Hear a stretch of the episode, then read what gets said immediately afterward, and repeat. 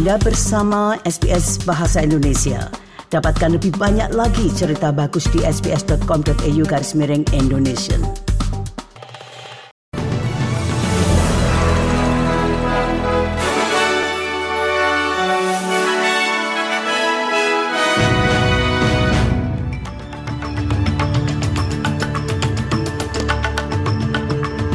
Berita terkini dari SBS Audio program Bahasa Indonesia untuk hari Minggu 23 Juli 2023. Menteri Hubungan Tempat Kerja Tony Burke telah mengumumkan pembentukan badan konstruksi baru yang akan mencakup jumlah anggota yang sama dari kelompok pengusaha dan serikat pekerja.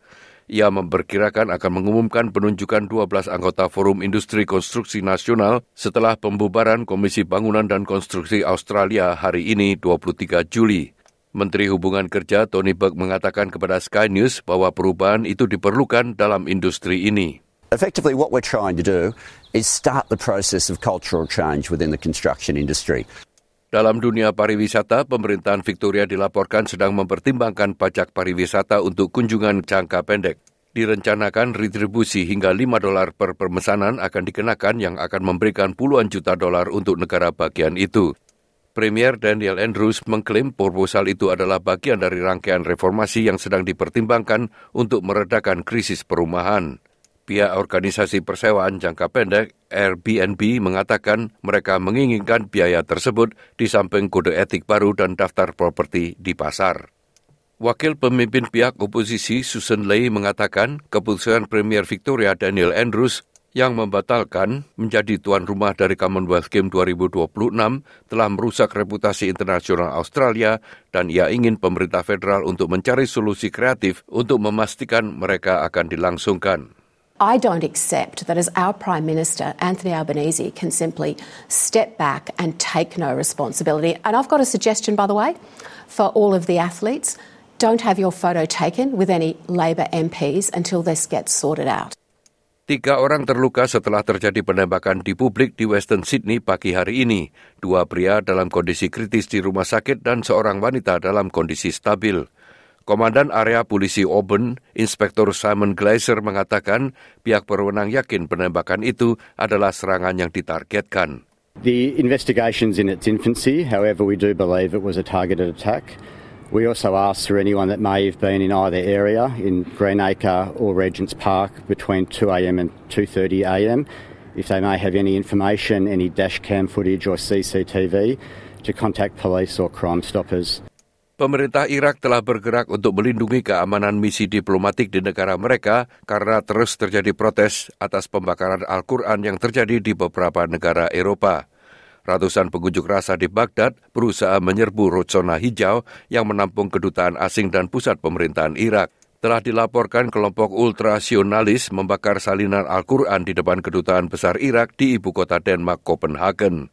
Beberapa pengunjuk rasa membakar bendera Swedia dan LGBTQ+, dan meneriakkan slogan-slogan anti-barat dalam protes itu. Relations will be severed with every country that offends the sanctities of Muslims. Therefore, we demand an official apology to the Iraqi people and to Muslims in general for these heinous acts. Seorang koresponden perang untuk kantor berita Rusia RIA telah meninggal dan tiga lainnya terluka di sebelah tenggara Ukraina pada hari Sabtu kemarin. Kementerian Pertahanan Rusia mengatakan koresponden RAE Rostilav Suravslev tewas akibat serangan artileri Ukraina. Kementerian Pertahanan menuduh Ukraina menggunakan munisi tandan dalam insiden tersebut, namun belum memberikan bukti untuk itu. Ukraina telah menerima bom klaster dari Amerika Serikat atau munisi tandan dari Amerika Serikat bulan ini, namun telah berjanji untuk menggunakannya hanya untuk mengusir konsentrasi tentara musuh. Sementara itu, Kepala Urusan PBB Rosemary Di Carlo mengatakan pemboman Rusia terhadap pelabuhan Ukraina di sepanjang Laut Hitam dapat berdampak luas pada ketahanan pangan global. Infrastruktur penting di pelabuhan Odessa dan Kornomorsk dan Mykolaiv telah hancur akibat serangan itu. Serangan itu mengikuti keputusan Rusia untuk secara efektif mengakhiri inisiatif Laut Hitam, perjanjian yang ditengahi oleh PBB yang memfasilitasi pengiriman biji-bijian Ukraina ke pasar internasional pada saat harga pangan global melonjak dan meningkatnya kelaparan. Any risk of conflict spillover as a result of a military incident in the Black Sea, whether intentional or by accident, must be avoided at all costs, as this could result in potentially catastrophic consequences to us all. Anda ingin mendengar cerita-cerita seperti ini? Dengarkan di Apple Podcast, Google Podcast, Spotify, atau di mana pun Anda mendapatkan podcast Anda.